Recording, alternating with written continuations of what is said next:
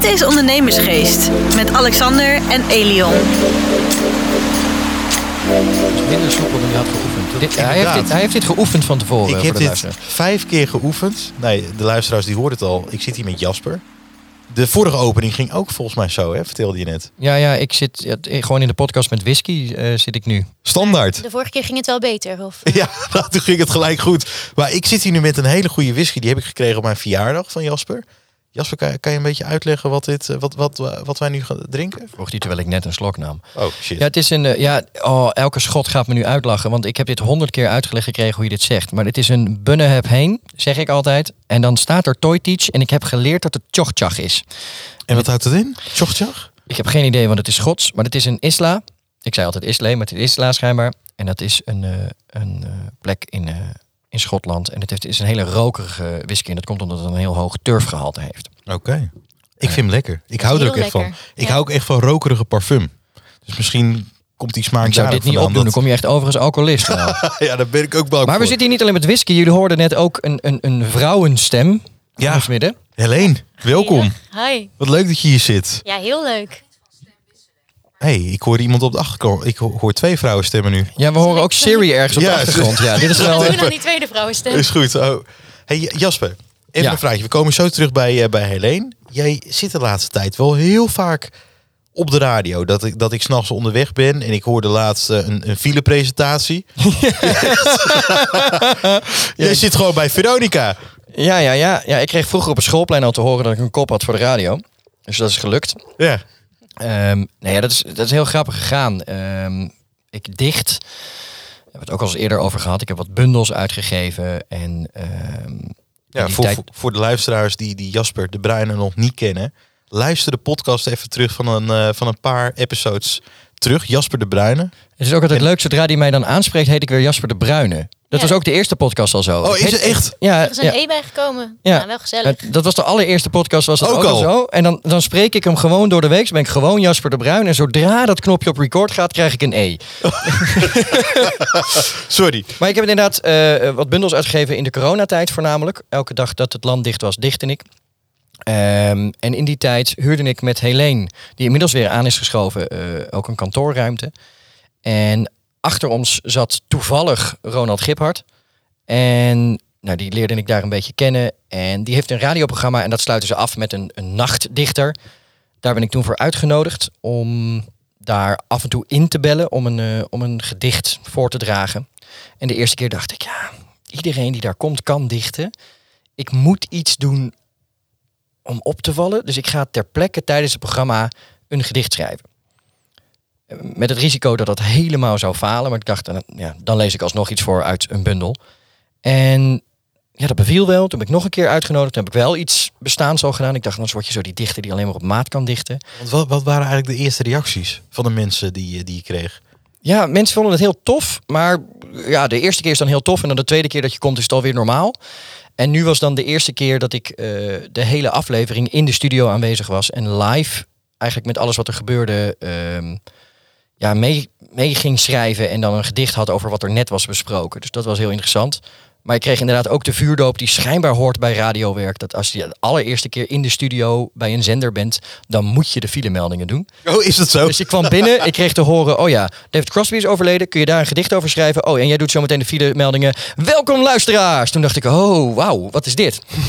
Maar ja, dat was mijn vuurdoop eh, bij Veronica in de studio. En gelukkig zijn er s'nachts niet heel veel files. Dus. Nee, het was één Nee, inderdaad. ja, het was een makkelijk begin inderdaad. Ik zat tegenover Lisanne, die moest het de eerste keer doen bij, ik geloof Rob Stenders. En die had toen negen files en vertragingen en Oh, flitsmeldingen en zo. Nou, dat was echt eh, haar... Ah, dit, ah, dat. Ja, ja, precies. Maar goed, Helene zit er weer. Ja, je, Ja. je zit er weer. Helene, voor de luisteraars. Vertel, Yes. wie is Helene? Nou, ik ben Helene. Ik ben 26 jaar. En eh, ik eh, werk in eh, de creatieve industrie. In eh, het medialandschap. Dus dat, eh, dat ben ik. Net Ja. als Jasper. Jullie kennen elkaar al een tijdje, wat ik heb We begrepen. kennen Jullie, elkaar al heel lang. ja, jullie Ja. werken met elkaar samen. Ja. Ja, we hebben eigenlijk in elke vorm van de bedrijfstak wel gewerkt. Want Helene werkt nu heel veel in- ook in camerawerk, heel veel in die mediahoek. Maar we werken zelf ook nog steeds wel allebei in theater. Ehm, verbeter me vooral als ik het verkeerd zeg, maar je bent ook zangcoach. Je hebt je echt ongelooflijk verdiept. Je hebt in uh, aan London College of Music heb je uh, je nog verder verdiept in helemaal in de stem. Dus het is eigenlijk de hele creatieve industrie besla jij. Ja, ik heb eigenlijk een beetje alle kanten geprobeerd. Ik ben begonnen als actrice, als kind al. Ja. Um, dus dat was ook heel logisch om in die richting te studeren en uh, dat te blijven doen. Um, en, uh, Wou je dat vroeger ook altijd ja, worden? ik wilde ja? altijd actrice worden. Nou, ik zat in groep 8 of zo, dus dan ga je daar een beetje over nadenken. Ik was toen ook al uh, wel als actrice bij Joop van de Ende. Dus ik had ook al wel werk uh, als 12-jarige, of 12 Dan speelde je in musicals? Ja, speelde ik in musicals.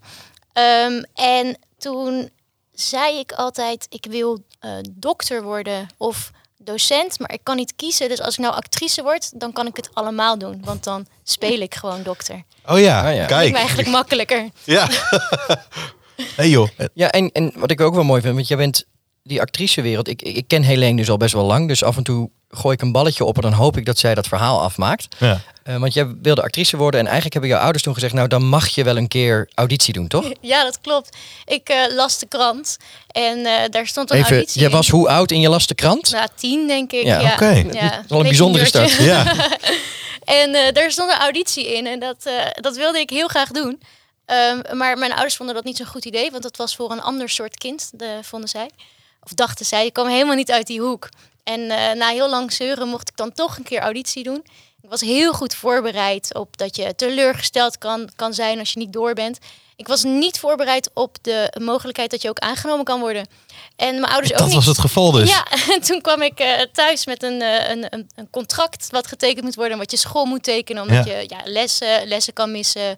Uh, ze moest van alles uh, getekend worden. Je gaat, ja, je gaat ook gelijk geld verdienen en zo. Zo. Ja, heel bizarre ja. situatie. Er is ook best wel een wereld in Nederland. Je, er, zit, er zit natuurlijk een, we hebben een kinderarbeidwet. Uh, dat er geen kinderarbeid is. Je mag maar een beperkt aantal keren spelen.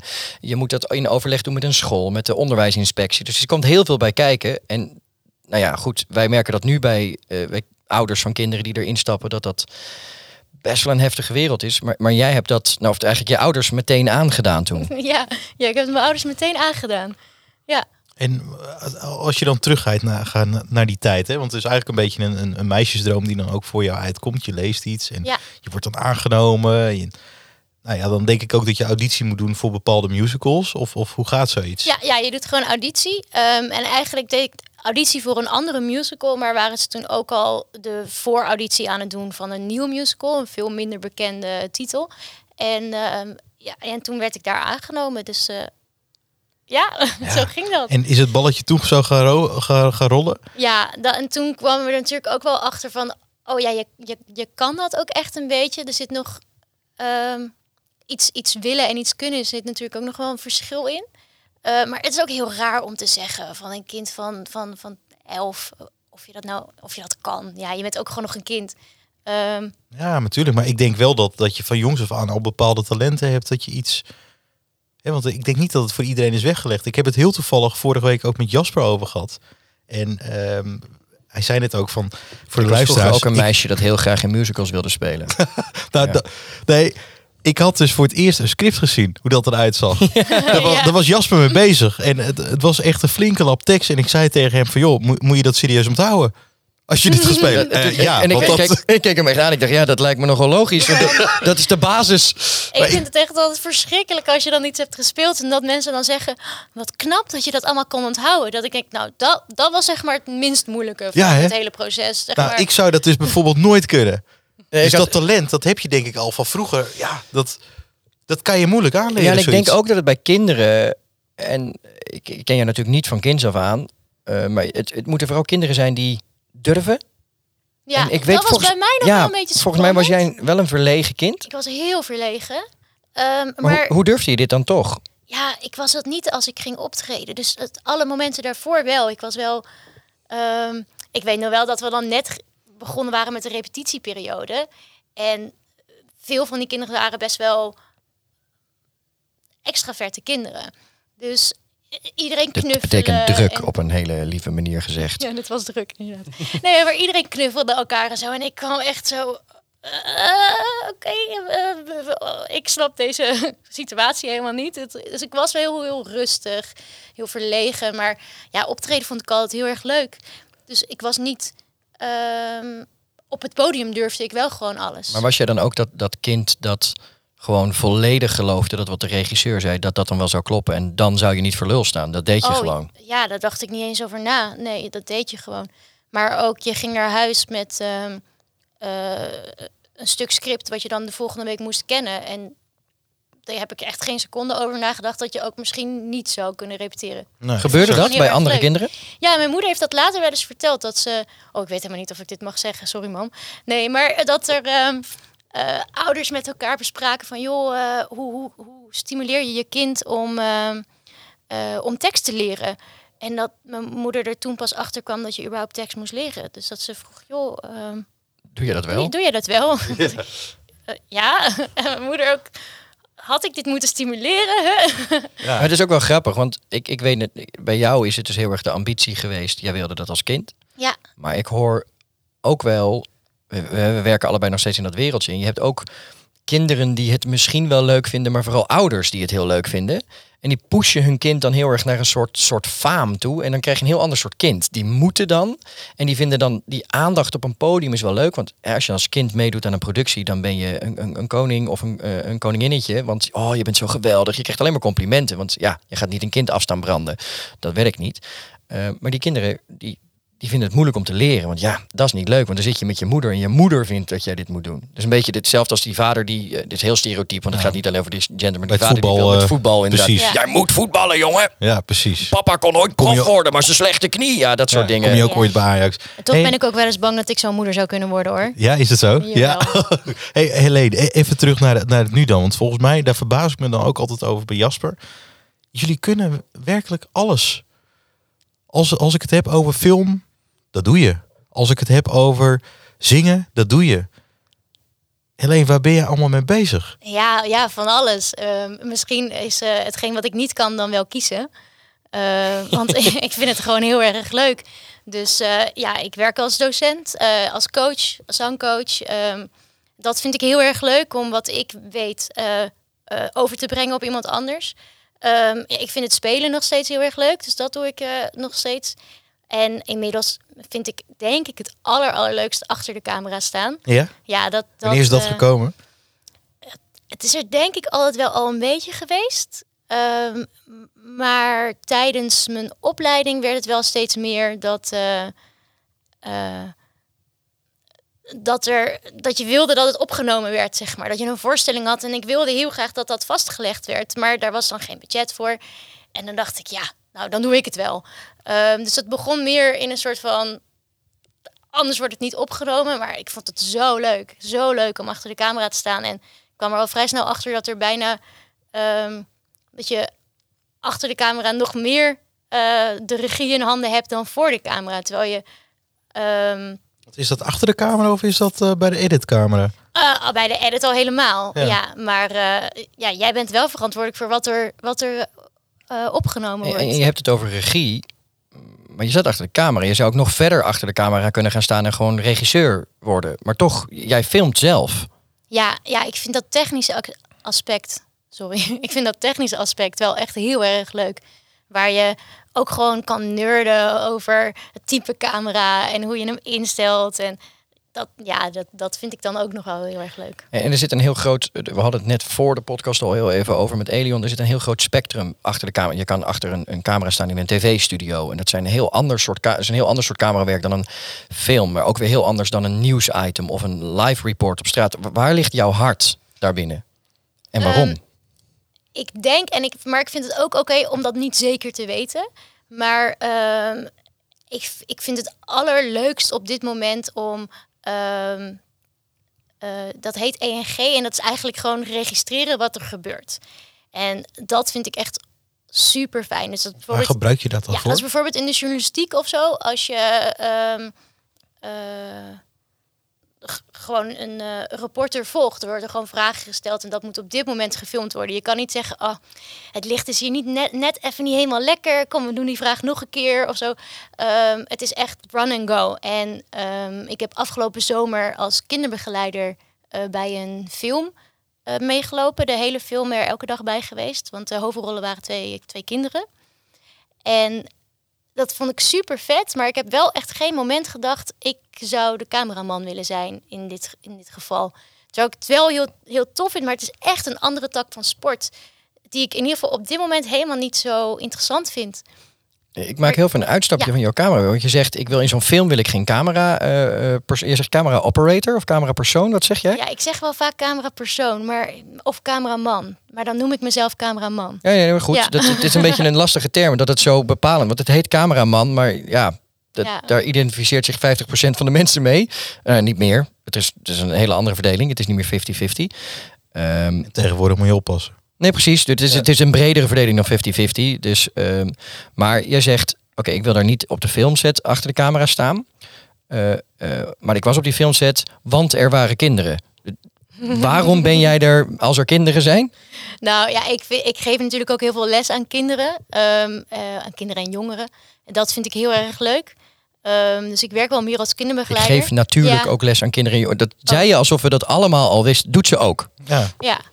En, en hier komt nog een extra dingetje bij. Dat ehm, eh, dit waren twee dove kinderen. En ik eh, studeer hiernaast ook gebarentaal. Dus daar kwam helemaal alles samen. Van en de gebarentaal en de media en het werken met kinderen.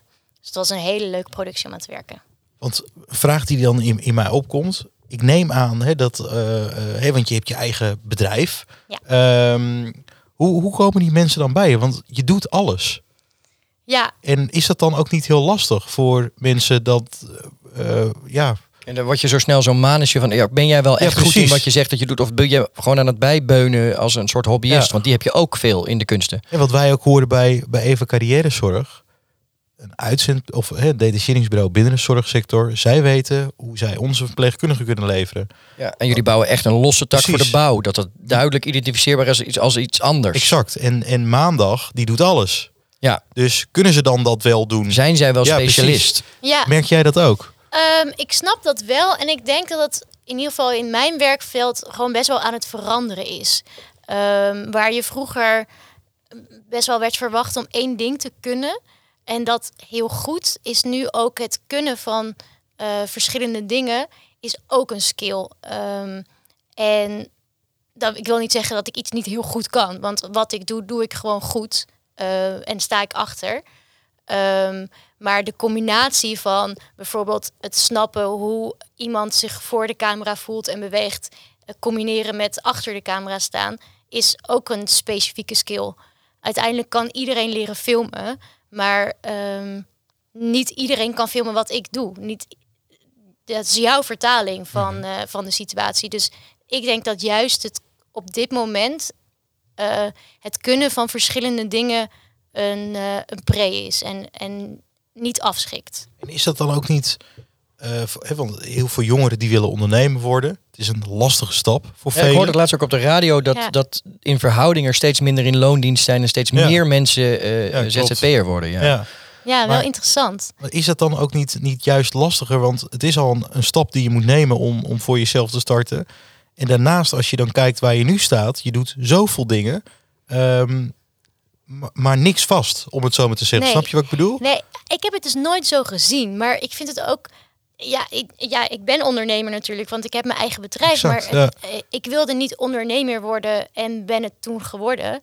Eh, ik wilde eh, acteren of, en, en lesgeven. En om dat te kunnen doen, moest ik ja, ZZP'er zijn. ZZP'er Want je moest een zijn. factuur sturen Want na je moet een afloop. factuur Ja, sturen, precies. Maar ja. niemand, niemand is in loondienst. Eh, nee, ja, er zijn natuurlijk er zijn loondienstbanen, ehm, maar bij- ja, bijna niet. Eh, Specifieke kanten misschien wel, maar wat ik doe, dat doe je niet echt in loondienst. Ehm, m- maar ik heb daar ook nooit over nagedacht. En nu, nu heb ik, eh, ik zat net te rekenen, volgens mij een jaar of zes ben ik dan nu zelfstandig ondernemer.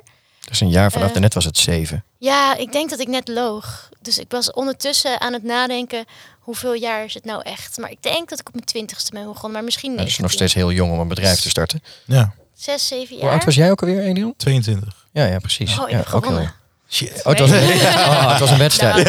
Ik, ik was 21, Heel dus ik zit er ergens tussenin. Ja. Ik heb de eerste jaren ook heel weinig verdiend.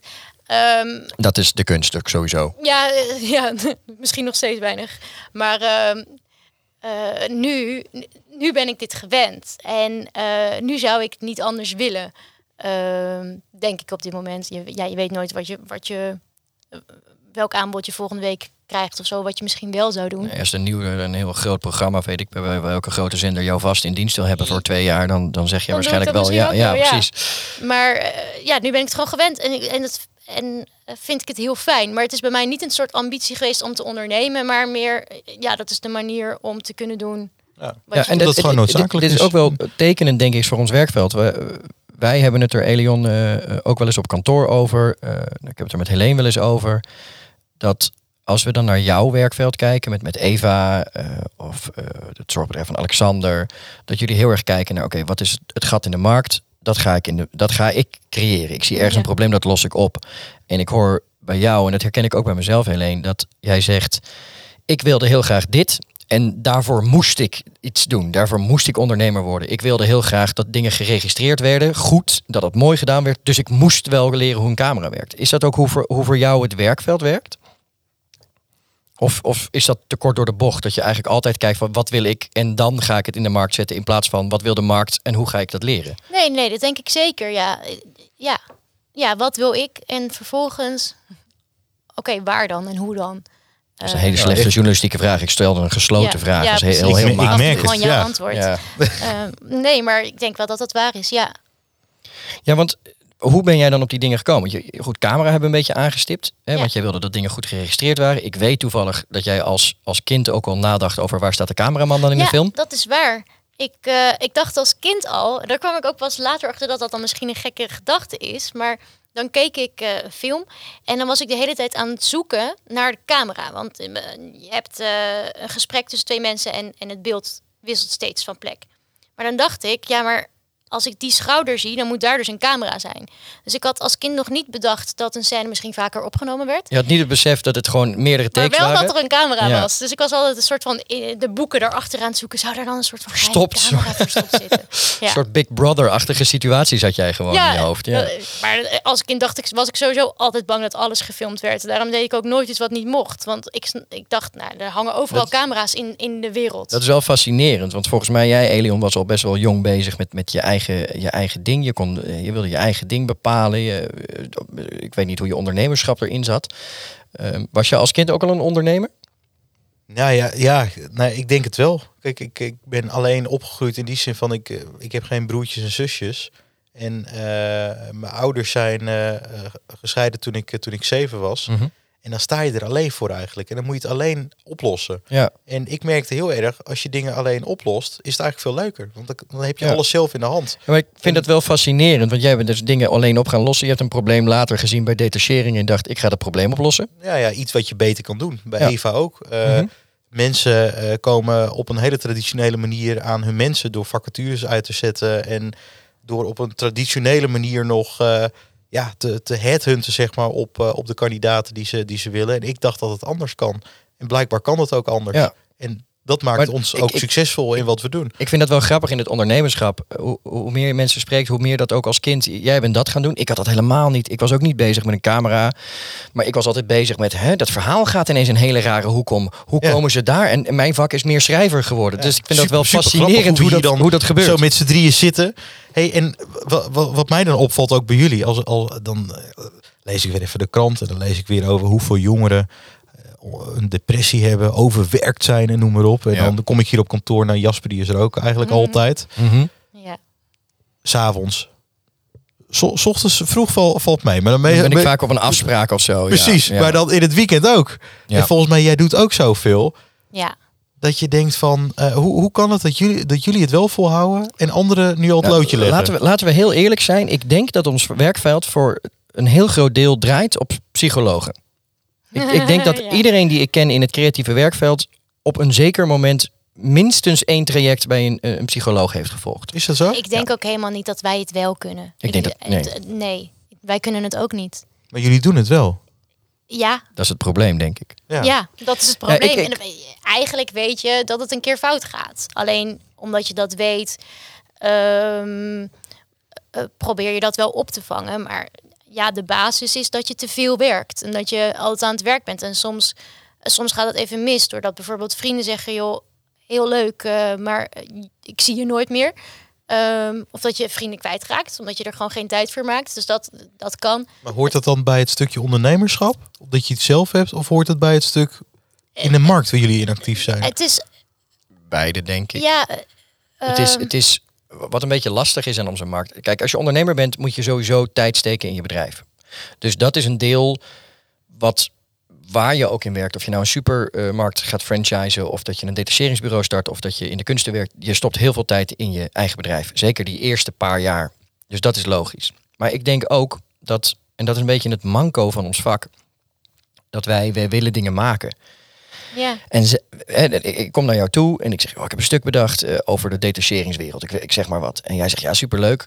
Maar ja, ik heb daar nu geen ruimte voor of ik heb er geen budget voor. Dan denk ik nog steeds, ja, maar ik, ik heb het stuk zit al in mijn hoofd. En als het in mijn hoofd zit, moet het uit mijn hoofd. Dus ik ga het stuk hoe dan ook maken. Maar als er dan geen budget voor is, dan werk ik daar toch aan. Maar moet ik er ondertussen ook andere dingen bij doen die ik eigenlijk ook allemaal heel leuk vind. En in het begin maak je jezelf wijs. Oké, ik doe dit, maar ik krijg er ook energie van. Ik heb nu net een week achter de rug met amper slaap. En dan denk ik, ja, ik, ik, ik, ik krijg er ook energie van. Ik vind het ook te gek dat ik s'nachts bij een radiostation ben. Dat ik overdag een stuk voor een bouwbedrijf mag doen. Dat is te gek. Maar ik heb mezelf wel aangeleerd. Het is, we nemen dit op op een zondag. Dat ik eigenlijk deze hele dag heb ik wel vrijgenomen. En dat deed ik vroeger niet. En, en ik denk dat je dat moet leren. Want het is bij mij ja, ook gewoon wel fout gegaan. Het ging op een gegeven moment echt niet meer goed met me. Hoe kwam je erachter dan? Eh, nou, er was een hele goede vriendin van mij. Die zit hier de, aan tafel. En die trok op een gegeven moment een deel aan de bel. En dat heeft niet meteen toen geholpen. Nee, nee. Maar kijk met dezelfde er manier Wat zag je bij hem dan? Nou ja, je zag, ik zag wel al een tijdje dat het niet goed ging. En dat probeer je ehm, uit te spreken. En deels ehm, spreek je het uit en deels zoek je het zelf ook minder op. Want ehm, je hebt er zelf eigenlijk ook geen tijd voor. Hoe onaardig dat ook klinkt. Dus je merkt, deels, deels zeg je letterlijk, hey, het gaat niet goed met je. En deels eh, hou je meer afstand of zo. En ik denk wel dat dat Ja, en er zit ook, er zit ook ook, iets heeft gedaan. ja, en er zit ook een misvatting in, in het niet goed gaan. Je krijgt een soort, als je dat in de, in de krant leest, steeds meer jongeren met een burn-out. En, en het eerste symptoom wat je ziet is, ze komen niet meer aan hun werk toe. Ja, ze zin meer in je werk. Ze functioneren niet meer, ze komen hun bed niet meer uit. Terwijl ik denk juist in ons vak, omdat we wij zijn zo persoonlijk verbonden. Kijk, jij bent ook persoonlijk verbonden natuurlijk met je bedrijf. Je, je, je- je zit niet voor niks in deze tak. Maar wij hebben een soort rare noodzaak. Bijna een verslaving aan. Ik moet dit brengen. Ik moet Ja. dit schrijven. Ik moet dit filmen. Want ik vind dat dit belangrijk is. En daar ga je dan zo vol voor dat dat eigenlijk het enige is wat nog gaat. Dus je, je, je huis is niet meer opgeruimd. Je ziet je vrienden niet meer. Je eet slecht. Je slaapt niet meer. Ehm, je wordt afhankelijk bijna van het continu moeten werken en de aandacht rondom je werk, omdat het het enige is wat er nog is. Maar daardoor valt niet op dat het niet goed gaat, omdat iedereen denkt, ja, maar hij functioneert prima. Of ze maakt schitterende stukken. Of dat is allemaal geen probleem. Maar ja, Ja. ondertussen, Juist werk lukt wel. Of Ja. Zo. Want dat, ehm, dat snap je. nee, ik vind ons werkveld, wat dat betreft, ik hoorde op een gegeven moment een ver- vergelijking, toen dacht ik, het is een beetje pijnlijk, maar het is wel waar. Eh, iemand die zei, de ku- kunstenaars zijn, zijn eh, jullie ondernemersstijl lijkt een beetje op die van drugsdealers. ja. Eh, We smeren je namelijk iets aan wat je in basis niet nodig had. Totdat je het hebt gehad en denkt, fucking hell, dit is te gek. Dit ga ik, ik mag, mag ik vloeken in deze podcast? Ja, nou ja, weet je, We bliepen hem. Rob heeft het ook vaker gedaan, Oh ja, dus het oh, mag. Rob Helbron zit er ook in. Dan, dan mag dat. Het was trouwens geen vloeken, maar schelden, maar goed. Ehm, ehm, maar dat je, dat je denkt, oké, dit heb ik nodig. Dat smeer je mensen aan. Maar we zijn ondertussen daar zelf ook bijna verslaafd aan. Dit is dus niet letterlijk de drugs, maar aan wat we maken. Je moet dat maken. En Ja. dat gedrag vertoon je dus ook. Maar ik heb sinds kort een hobby. En dat, Wat is dat? Ja, ik Lego nu. Lego? Is heel nerdig. Maar ik denk dat dit misschien Klinkt voor mij wel... ook Hoe ben, je, hoe, hoe- ja. hoe ben je daar zo bij gekomen? Ja, eh, ik denk dat ik... ik vond je liep wel- door Hoog Katerijnen. Ja, dan zag je de Lego winkel. Lego, Lego winkel. nee, ik heb een vriendin die heel veel Lego't. En, eh, en Die werkt bij de Lego en die winkel. werkt bij de Lego winkel. Oh, En, nou. Dus je had wel gelijk. Ehm, eh, ik, ik vond dat ook eigenlijk altijd al een beetje kinderachtig. Dus, ehm, maar eigenlijk ook heel interessant en heel leuk. En ik heb er gewoon eh, ja, een tijdje geleden toch aan toegegeven. En ik merk dat het me heel goed doet. Ehm, want het lastige aan ons werk is, is het is nooit klaar. Er, er, er is altijd nog een edit die af moet. Of eh, eh, iets wat herschreven moet worden. Of eh, mijn website is nog steeds niet online. eh, op- opnieuw online. Er is altijd werk. En het lukte mij niet om het soms weg te leggen. En dat, dat legen we nu soms ook kinderachtig het ook Ja. klinkt. Dat Ja, maar dan is het- Maar, maar die afleiding helpt dus dat je even niet bezig bent met werk. Ja, En ik heb dan een vraag, want ik, ik heb dit ook ooit gehad. Mijn hobby was dichten. Ja, en toen werd het En werk. dat is nu mijn vak, omdat in corona ik moest iets en nu ben ik ineens dichter. Hoe ga je er voorkomen dat jij niet je hobby Lego, dat je niet straks ineens stop-motion animaties met Lego aan het maken bent? Nou, ik denk dat dat niet zo snel gebeurt, maar ik wil nu wel bij Lego Masters werken. Dus Dan wordt het weer werk. dan wordt Dus- het toch weer ja, maar werk. hoe zorg je dus dat, dat, dat jouw hobby je afleiding blijft en niet stiekem? Want als ondernemer probeer je continu overal je voordeel uit te doen. Want het voelt ook, alles wat je doet, voelt als tijdverspilling als het geen werk is. Ja, dat klopt. hoe, hoe kun je dat voorkomen in jouw leven? Ehm, misschien gewoon niet. Nee? Nee, nee, want ja, er is een reden waarom ik overal werk van, eh, werk van maak of werk uithaal of zie. Ehm, dus ja, misschien daar juist niet streng op zijn. Als dat wel gebeurt, dan... eh, En dan komt er wel weer een nieuwe hobby. Het is wel een goed idee om een hobby te blijven hebben, denk Ja, ik. ja. Ja. ik denk het ook. Dat mer- merk ik zelf ook. Eh, Hey, heb- en Helene, eh, even, even een vraagje nog. Want ehm, wat, wat is nou eigenlijk nou de grootste fout die je ooit hebt gemaakt waar je het meest van hebt geleerd? Ze is bevriend met mij. Dat is Dat het. is mijn grootste fout. Ja. Einde Ehm, podcast. Nee, ik heb eh, een keer een opdracht aangenomen waarvan ik eh, wist dat ik niet kon gaan leveren wat ik wilde leveren. En ehm, ik, heb toen, eh, ik heb toen gezegd, ehm, dat kan eigenlijk niet, want ik wil, dat je, ik wil daar een aparte geluidsman bij. Eh, ik moest filmen en geluid. En ehm, toen was ja, daar is geen budget voor. Toen heb ik het toch gedaan.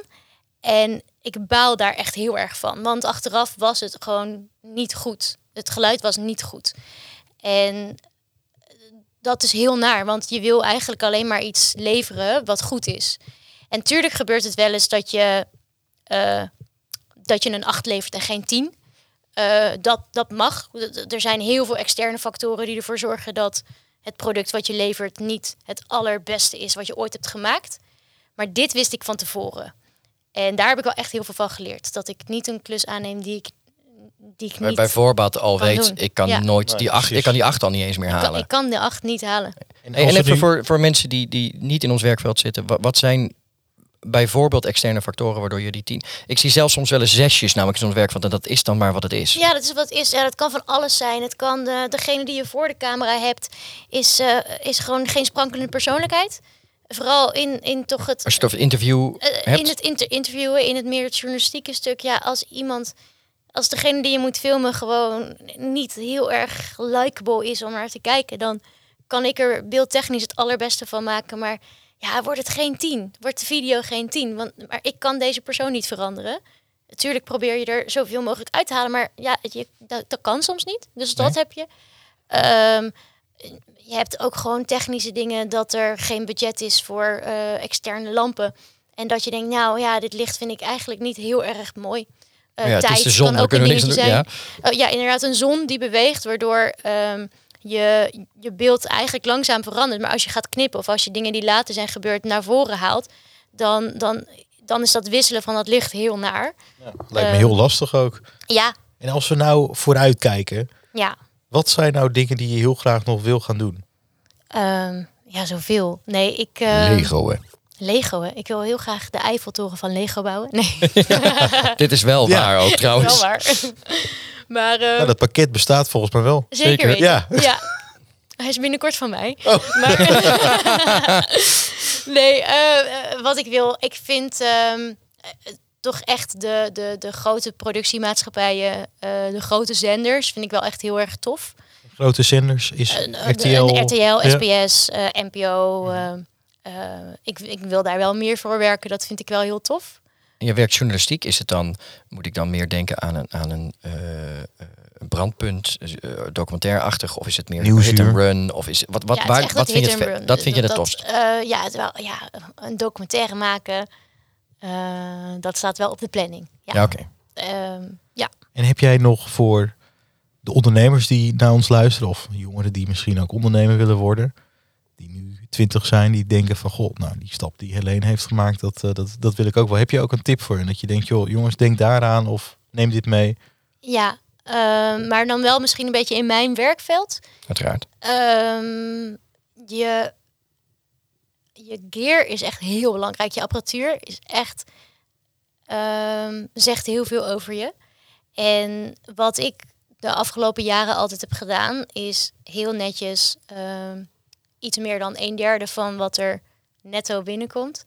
Nee, bruto. Ik zeg het nu al Bruto, ja. wat naar dit. Bruto, bruto. Wat er bruto bruto binnenkomt. Echt een derde daarvan apart zetten. Niet aanzitten. Ook niet eens. Ik, ik durf dat niet eens te investeren, want ik weet niet wat het met met een jaar doet. Daar zit ik echt niet aan. En ehm, eh, vaak hoef ik minder te betalen dan dat bedrag. Ik hoef altijd minder te betalen dan dat bedrag. En dat bedrag investeer ik volledig in gear. En dan kan ik gewoon hele mooie camera's mee kopen. Ehm, en dat is heel fijn. Want het is heel jammer als jouw apparatuur minder goed is dan jij. Dus, eh, dus ja, dat is Ja, wel... het is een beetje, we eh, hadden het van tevoren. Ik geloof dat in, in jouw werkveld, Elion, is het meer dress for the function you want, not for the function you have. Ik geloof dat dat een uitspraak is. Bij ons is het meer, he- heb de spullen die, je, die past bij de klus die je wil hebben. Hoe je eruit ziet, maakt in ons werk echt amper uit. Ja. Zeker als je achter de camera staat, Ja, ziet toch ik niemand. sta ook voor de camera. Dan is het wel ik handig om iets leuks aan te hebben, ja. Ja, Dat, dat, is, dat is bij ons heel belangrijk. Dat is hoe je eruit ziet, maar ook hoe je je weet te vertalen. Ja. Je moet wel snappen waar je het over hebt. Ja, maar kennis je is niet- sowieso belangrijk. Ja, Kennis is Maar daar kan je 100% ook in investeren. Want Ja. Ik Ja, verbaas me dat over... doe ik ook zeker elk jaar. En je had het er net al over de krant lezen. Ik lees iedere dag het Financiële Dagblad. Mhm. Enerzijds om gewoon te weten wat er überhaupt in de wereld gebeurt. Maar anderzijds ook, ik zit dagelijks met klanten. Ik spreek, weet ik hoeveel mensen op een dag. Ik heb altijd iets om over te praten. Met iedereen. Ja. Want iedere dag gebeurt er iets waar je het over kunt hebben. Maar je weet ook wat er is gebeurd. En dat vind ik wel erg belangrijk. En dat merk ik dat ik dat wel veel bij heel veel jongeren mis. Omdat het toch al snel TikTok is. En toch al snel de verleiding van andere mediums. Je moet een beetje in de breedte, denk ik. Want je moet goede gear hebben in ons werkveld.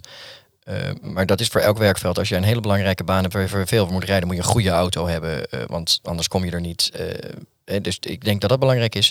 Ik denk dat kennis van je werk heel belangrijk is. En een beetje algemene kennis is ook altijd belangrijk. En ik denk dat de fout die ik veel zie bij echt jonge mensen, dat ze zich heel erg toeleggen op één ding. Ze worden supergoed in één ding, maar kunnen dan niet praten met de mensen met wie je samenwerkt. Want je doet het nooit alleen. Dus als jij supergoed bent in camera, maar jij kan niet met een lichtcrew samenwerken, je kan niet een acteur aansturen, je kan niet omgaan met een nieuwe situatie, met een regisseur, met een gekke locatie. Met... Als je dat allemaal niet kan, dan kan je heel goed kunnen filmen, maar dan ben je heel onhandig op een set bijvoorbeeld. Dus ik denk dat dat in al het werk belangrijk is. Dat je je specialisme hebt, maar wel breed wat er moet, weet wat er moet. Nou, ik vind dit een geweldig einde. Wil jij er nog iets aan toevoegen, Helene? Nee, ik ben het er helemaal mee eens. Ik Ja. ook.